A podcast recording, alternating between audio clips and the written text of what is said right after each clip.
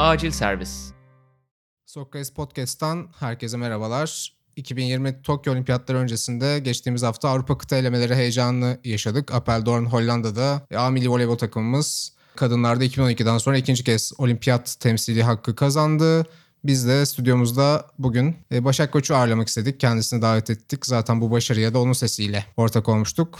Hoş geldin Başak. Hoş bulduk. Çok teşekkür ederiz. Biz teşekkür ederiz davetimizi kabul ettiğin için. Ne demek? Gerçekten hani çok epik kelimesini biraz fazla eskittik ama ilk Almanya maçından son Almanya maçına kadar aslında o 6 gün yarı finaldeki 33-31'lik seti Belçika maçında 2-0'dan 2-2'ye gelen maç ve acaba ne oluyor çıkamıyor muyuz sorularını düşününce gerçekten epik kelimesinin hakkını veren bir 6 Evet. gün yaşadık bence. Sen bunu nasıl deneyimledin spiker kabininde? E, Bence doğru bir kelime. Çünkü zaten hani o ilk başlangıcımız Almanya karşısında aldığımız mağlubiyetten sonra herkesin kafasında böyle bir aman ne oluyoruz yapamayacak mıyız? Hayal kırıklığı mı yaşayacağız acaba? Biz nereye gidiyoruz diye bir düşünce doğdu. Daha önce o ilk maça kadar Almanya ile Avrupa kıta elemelerinde yaklaşık 5 kere karşılaşmıştık. Ve 3'e 2 Almanya'nın üstünlüğü vardı geçmiş dönemde de baktığımızda. İlk gün turnuvanın içine giremedik bir türlü. Yani oradaki varlığımızı hissedemedik. Hep söylüyorum e, sporcuların da tabiridir. Bizler de turnuvaya gittiğimizde söyleriz ve konuşuruz. Hani ilk günün günahı olmaz yenildiğinde böyle denir. Ama bir taraftan da turnuvaların ilk günü nasıl başlarsan öyle devam ederdi diye de bir genelleme vardır ki bu genellikle de tutar. O yüzden hani bende sporcu refleksi de olduğu için ya acaba mı ya böyle kafamdan minik bir saniye geçirdiğim an olmadı değil ama ben sonuna kadar geleceklerine inanıyordum. O da büyük bir paranteze alabiliriz. Yani Türkiye'de milli takımlar tarihinde ama büyük organizasyonlarda hep o ilk gün bir soğuk duş etkisi ve ondan sonra işin içine giren ve o duygusal inişleri çıkışları milli takım e, geleneğimizde bir şekilde yansıtmış bir ülkeyiz aslında. Türkiye'de belki biraz daha farklı işliyor olabilir. Başlangıçta ve bitişte. Evet. İşte bitiş krizlerimiz de var ya, final krizlerimiz de var ya ama biz yani e, bunları hepsini aşmaya başardık. Almanya'ya mağlup olduktan sonra ki o maçta bizim mağlup olmamızın nedeni kendi yaptığımız basit hatalar aslında. Almanya'nın çok çok çok çok üst düzey oynadığı top değil. Biz kendi topumuzu oynayamadık. Ortman acayip performans sergiledi. E, Sahanın en e, önemli yıldızıydı. Genel olarak çok iyi bir turnuva geçirdi. Çok iyi bir turnuva. Bence patlama Almanya'da noktası. herkes hvordan da bekliyordu. Lipman da çok iyi geçirdi. Yani onlar hep bir maçlara baktığımızda 22-23 sayı. Böyle hani birbirlerini peşi sıra takip ettiler ve Almanya'yı zaten taşıyan sırtlayan isimlerdi. E, Alman disiplinini biliyoruz. Onların ne kadar istekli, ne kadar arzulu olduklarını biliyoruz. E, Felix Kozlowski çalıştırıyor Almanya'yı ve bence bir antrenörün deneyimsel olarak da kendi bizim koçumuz Gianni Guidetti ile birlikte Almanya milli takımda yaklaşık bir o 8 senelik süreçte yardımcısı olarak yer alması Almanya'nın bugüne gelmesinde de çok büyük bir e, etkisi olduğunu düşünüyorum. Oraya bence antrenör kısmına daha e, Evet. sonra Final kısmında Almanya'yı tekrar ziyaret A- ederiz. Aynen öyle. E, Almanya maçı öyleydi yani bizim yaptığımız basit hatalardan gitti açıkçası. Ya ben aslında biraz turnuvadan turnuvaya kadın voleybolunu Evet. hatırlayan e, Hı hı. spor takipçilerinden, gazetecilerinden biriyim ama turnuvayı deneyimlerken özellikle sana hani bir teşekkürü borç bildiğim bir nokta. Şuradan soruyu soracağım. Yani Belçika maçı 2-0'dan 2-2'ye geldiğinde ya da hani Polonya karşısında gidiyor mu, işin sonuna mı geldik, yolun sonuna mı geldik dediğimizde e, sen aslında daha önceki turnuvalarda çok da görmediğimiz özellikle geçtiğimiz yazın anlatım tecrübelerini düşündüğümüzde o iyimserliği e, işte zaman zaman Andre Gide alıntılayarak ya sahada maksimumunu vermeye çalışan sürekli işte Guidetti'nin belki de yaklaşımının bir tezahürü olarak gülmekten hiç vazgeçmeyen o takım sen işte geri sayımları başlatarak her zaman takımın potansiyelini gerçeklemeye çalışan bunun için %110'unu veren hani klişe tabirle bir takım olduğunu bence takımın iyimserliğiyle kafiye yapan bir anlatım vardı. Bizim için gerçekten özellikle turnuvayı takip etmek, bu elemeleri takip etmek o açıdan da özel oldu ama yine ben merak ediyorum. Sen o geri sayımlarını artık bir gerçi finalde yapmadın ama Evet, e, evet. bir totem belki de. O artık karakteristik haline gelen o geri sayımlarını yaparken işte final setlerinde e, senin ama o acabanın en şiddetli olduğu bölüm neydi? Polonya maçı mıydı? Belçika maçı mıydı? Takımımız Avrupa Şampiyonası'ndan sonra oradan almak istiyorum çünkü. Avrupa Şampiyonası'ndan sonra tabii herkes kulüp macerasında işte Vakıf'taki, Eczacı'daki, Galatasaray'daki, şuradaki, e, Türk Hava Yolları'ndaki tüm takım yani milli takımımızda olan ekip tabii kendi lig maceralarını Avrupa kupalarına döndüler. E, şimdi olimpiyat elemesine geldiğimizde de tekrar buluştuklarında çok fazla uzun zamanları yoktu ama kamp dönemini Antalya'da geçirdiler. Bu kamp dönemi Antalya'da geçirirken duvarda asılı bir şey vardı. Bahane yok çözüm var. Bahanemiz yok çözüm çözümümüz var. Yani biz geri düşsek de bizim bahanemiz yok. Biz hemen çözüm üretmeliyiz. E, Japonların bakış açısını çok severim. Onlar için kriz yoktur. Fırsat ve çözüm evet. vardır. Aynı onlar gibi yaklaşabildik. E, o yüzden benim de e, kendi hem oyunculuk zamanımda hem de hayatımın akışında bu bir şiarımdır. Her şeye olumlu bakabilmek. Düştüğün zaman yerden bir an önce kalkabilmek bir sporcunun sahadaki hissettiklerini o kadar iyi anlıyorum ki yap çok yapmak istiyorsun. Zaten Almanya ilk maçı da o çok istemekten, çok stresli olduğumuzdan, elimizin Hı-hı. ayağımıza dolaştığı anları o kadar çok hissediyorum ki. O yüzden ne hissediyorsam ben gerçekten onu aktarmaya çalıştım. Ya Melia dışarı vurdu mu tamam sıkıntı yok hadi kızlar hani bir top daha var. Bunun bir şansı daha var. Voleybol hep söylüyoruz bir hata oyunu. Ama bu hataları ne kadar az yaparsan o kadar kazançlı çıkan da sen oluyorsun. Ee, Almanya maçından sonra Hırvatistan mücadelesiyle zaten o hatalarımızı azaltarak belli bir noktaya geldik ve e, gruptaki sıralamamız adına umudumuz devam etti.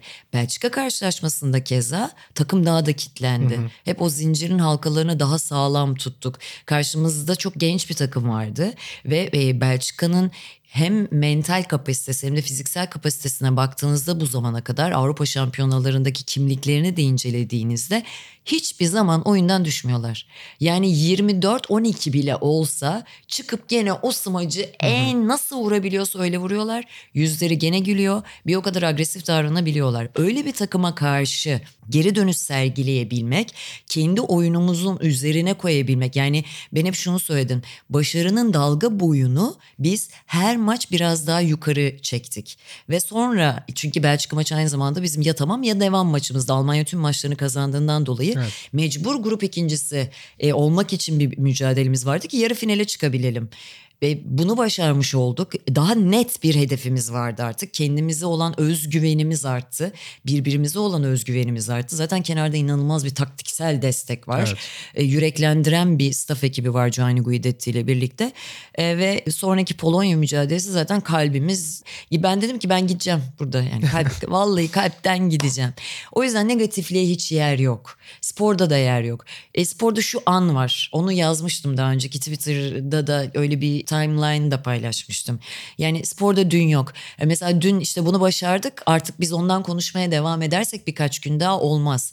Gianni Guidetti turnuva bitti. Tabii ki takım bunu kutlayacak değil mi? Çünkü biz 2012'den sonra bambaşka bir jenerasyonla evet. 2020 Tokyo'ya gideceğiz. Nasıl güzel bir macera. Her sporcunun hayali dünyadaki her sporcunun olmak istediği yer. Gidiyorlar eğlenmeye bir saat içerisinde menajer Pelin'e dönüyor. Tokyo biletlerini aldın mı? Şurada mı kalsak? Şunu mu yapsak? E, hemen kamp düzenini hazırlayalım falan. Yani böyle bir antrenörün izinde giden bir takım var. E, pazarlama da öyledir ya. Karşındakini istediğini verdiğinde o mutlu olur.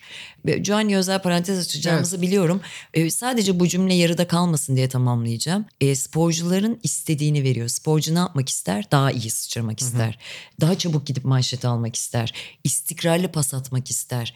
O gelen sert smacı iyi teknikle daha iyi çıkarmak ister.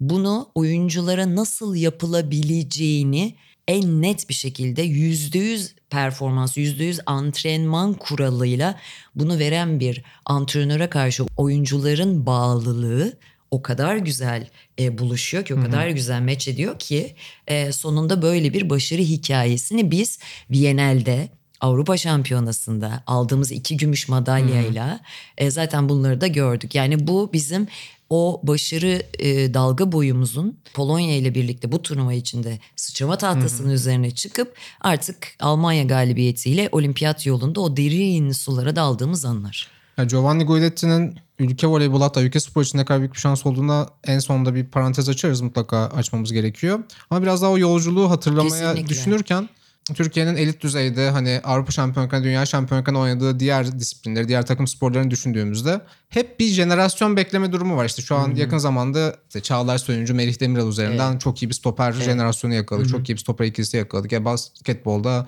87 jenerasyonu vardır. Şimdi Cedi Osman, Furkan Korkmaz'ın evet. jenerasyonu var. Voleybolda ya çok da iyi bir jenerasyon gelmiyor mu acaba dediğimiz yerlerde bile hani her zaman üretimi sürdüren ve o yetenek havuzunu sürekli besleyen bir altyapıyı görüyoruz. Ve belki işte bu takımda 99 doğumlu Zehra Güneş'in yine parladığı turnuvalardan eleme grubu o turnuvalardan biri oldu. İşte Hande Baladın'ın zaten Avrupa Şampiyonası'nda Milletler Ligi'nde de yükselişine tanık olmuştuk. İşte belki yan rollerdeydi biraz daha Ebrar Karakurt ama 2000 jenerasyondan o geliyor. Bunları görüyoruz hani çok önemli oyuncular da spora veda ederken işte Gözde Kırdar örneğin yerine hep e, yenilerini koyan bir voleybol ülkesiyiz. Fakat e, gerçekten bu eleme turnuvası belki de Meryem Boz'la hatırlanacak. En azından ilk çağrışım o başarının simgeleştiği şeylerden biri Meryem Boz'un özellikle Belçika ve Polonya maçlarındaki ilham verici oyunu olacak gibi geliyor bana. Ee, burada da e, sevgili Dahan Irak'ın Twitter'da bir paylaşım vardı bana çok ilginç geldi. Gerçekten kariyer çizgisine baktığımızda 31 yaşında Meryem Boz ve aslında Eskişehir'den yetişip çok Eczacıbaşı Vakıfbank ya da İstanbul eksenine çok fazla girmeden bir kariyer hani doğru olduğu söylenen şeyleri yapmadan da hani yurt dışı sayfası tabii, da var Polonya kariyerinin. var, e, Japonya Ee, var, e, Halkbank var. Ve bu noktaya geldiğinde var. hani bir sorumluluk alması gereken bir noktada bir anda bir yıldız ortaya çıkıyor. Birçok kişi için dediğim gibi yeni bir yüz olabilir ama işte Guidetti'nin burada etkisini ben bu tip oyuncularda çünkü işte Almanya döneminde de hatırlıyoruz. İşte onunla çalışan Vakıfbank'ta çalışan hatta Christian Fürsten'in bir sözü vardı. Onun için büyük oyuncular küçük oyuncular yoktur. Yani o Kesinlikle öyle. gerçekten elindeki oyuncunun potansiyelini gerçeklemek için nasıl senaryolar yaratabilirime bakan biridir ve işte bu sayede o kazanma kültürünü rol oyuncuları, rol oyuncusu gibi gözüken oyuncularla en baştan en sona götüren, çok daha bütüncül yaklaşan biri. Sen hem e, Meryem Boz'un bu turnuva üzerindeki performansıyla hem de e, dediğim gibi jenerasyondan bağımsız belki de hani Türkiye'de çok yıpratılan ama çok da her zaman altı doldurulmayan o ekol kelimesinin altını doldurduğumuzu hissettiren belki 6 günlük çok küçük bir örnek uzayından konuşuyoruz ama Jenerasyon olgusuna baktığımızda biz hiçbir jenerasyonu boş geçmiyoruz ve her jenerasyonda elde ettiğimiz belli dönemlerde başarılar var.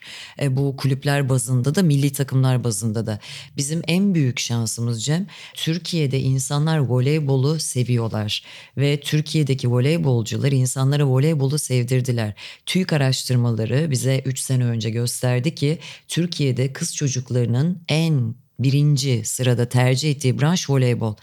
Şimdi ülke havuzunda elinde ne kadar malzeme, elinde ne kadar insan olursa oradan çakılları ayırıp incileri seçmek bizim için daha kolay öyle değil mi? Neden Kesinlikle. şimdi biz erkek voleybolunun dünya çapındaki başarılarını çok fazla konuşamıyoruz? Çünkü erkekler daha fazla basketbolu, daha fazla futbolu tercih ediyorlar. Ve böyle olunca voleybolun içerisine gelen erkek potansiyel oyunculardan en iyileri bulmak e, elimizde biraz daha kısıtlı ham madde var. Ama şimdi etrafımız e, voleybol diye yüreği çarpan tutkuyla var olan bir sürü kız çocuğu var. Birincisi bu. E, Türkiye Voleybol Federasyonu ülke çapında yürüttüğü e, çok önemli projeler var. E, kent kent oradan seçilen isimler var. E, ve e, bu bizim bir kere havuzumuzu geliştiriyor. O yüzden bizim jenerasyonun kadın voleybolunda çok büyük hatalar yapmadığımız sürece e, bu bence hep böyle devam edecek. E, süre gelecek yani.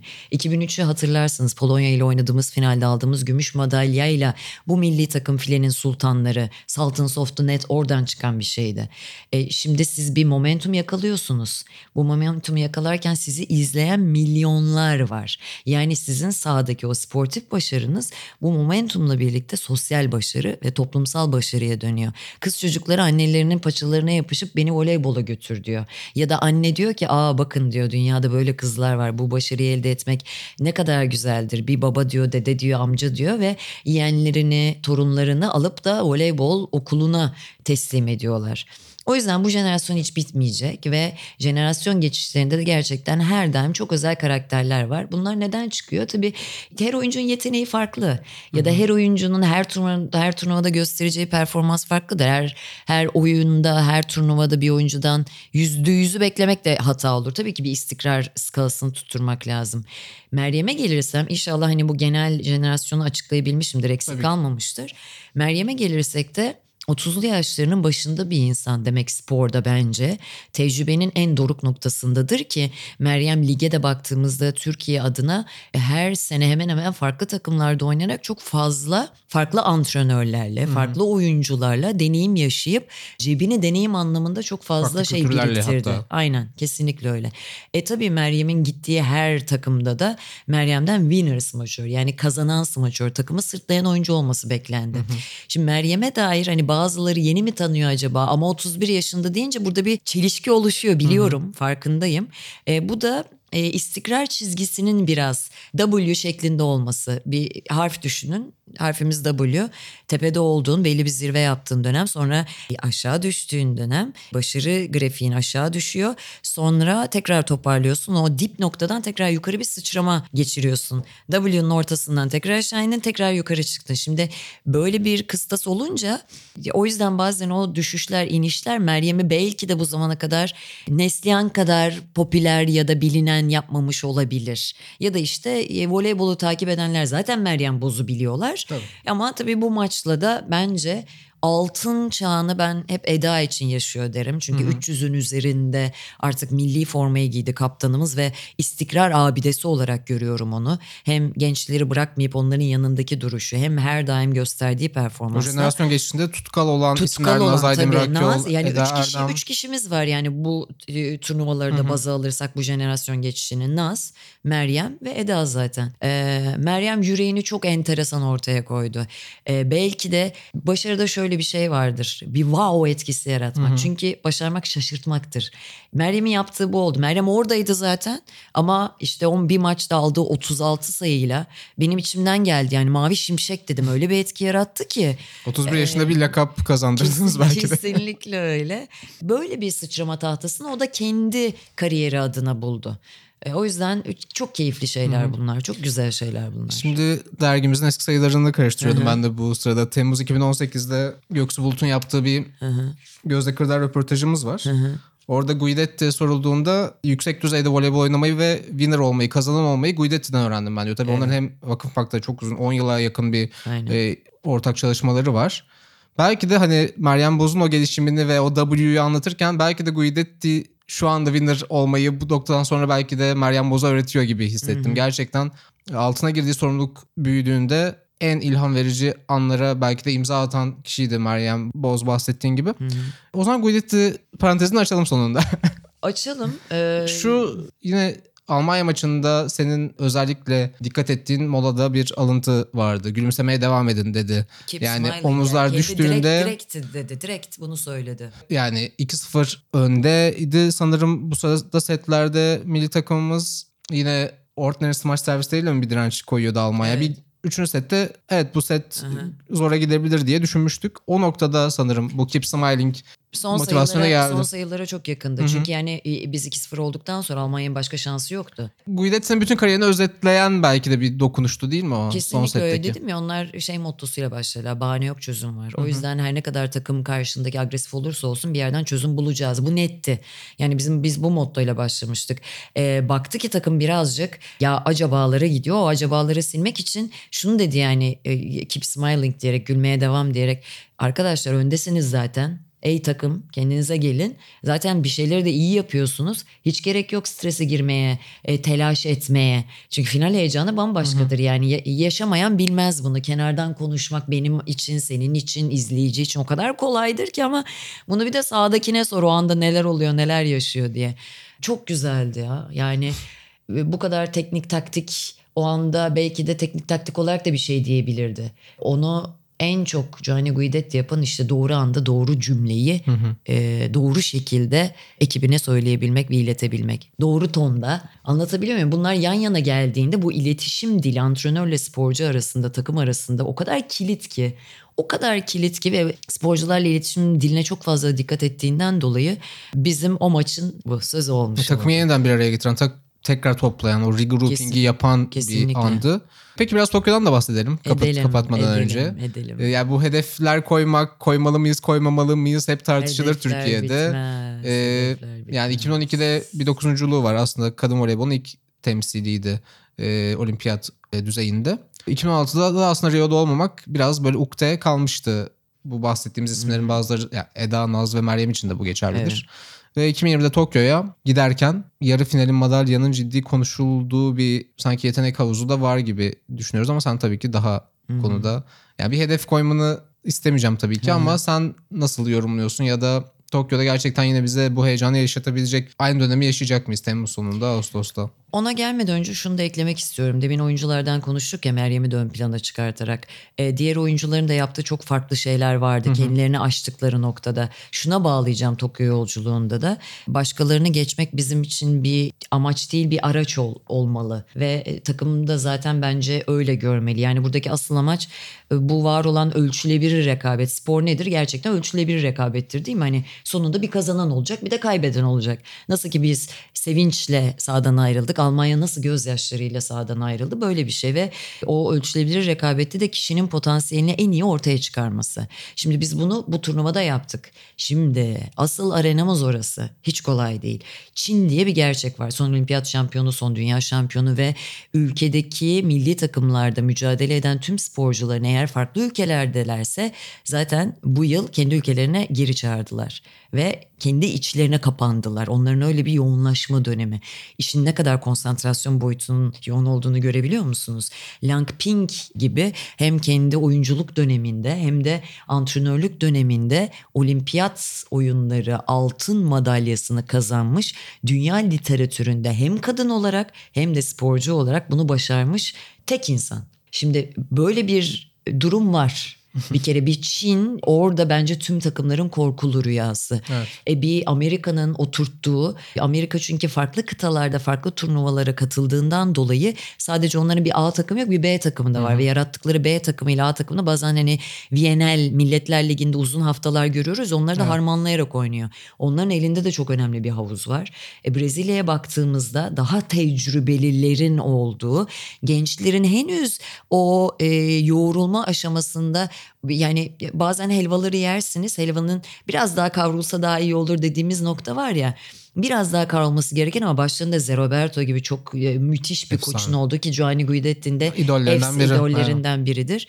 Öyle bir ekip var. E, diğer takımlara bakıyorum. Rusya'nın durumu çok soruluyor bana ama e, bu dopingden dolayı var olacaklar mı orada olmayacaklar mı diye.